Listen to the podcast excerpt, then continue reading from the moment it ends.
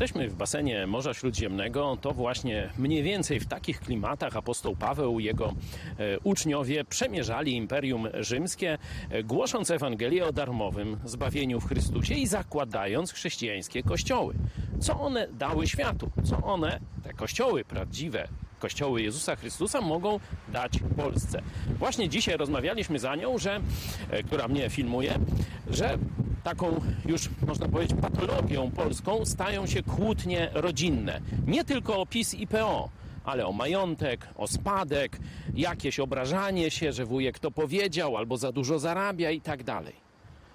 Jeśli tak jest, to znaczy, że nie jesteśmy pod wpływem prawdziwego Kościoła Jezusa Chrystusa. Zobaczcie, jak wygląda życie Amerykanów czy innych protestanckich państw. Ludzie są mili, ludzie sobie ustępują, bo tego właśnie w wymiarze społecznym uczy nas Nowy Testament.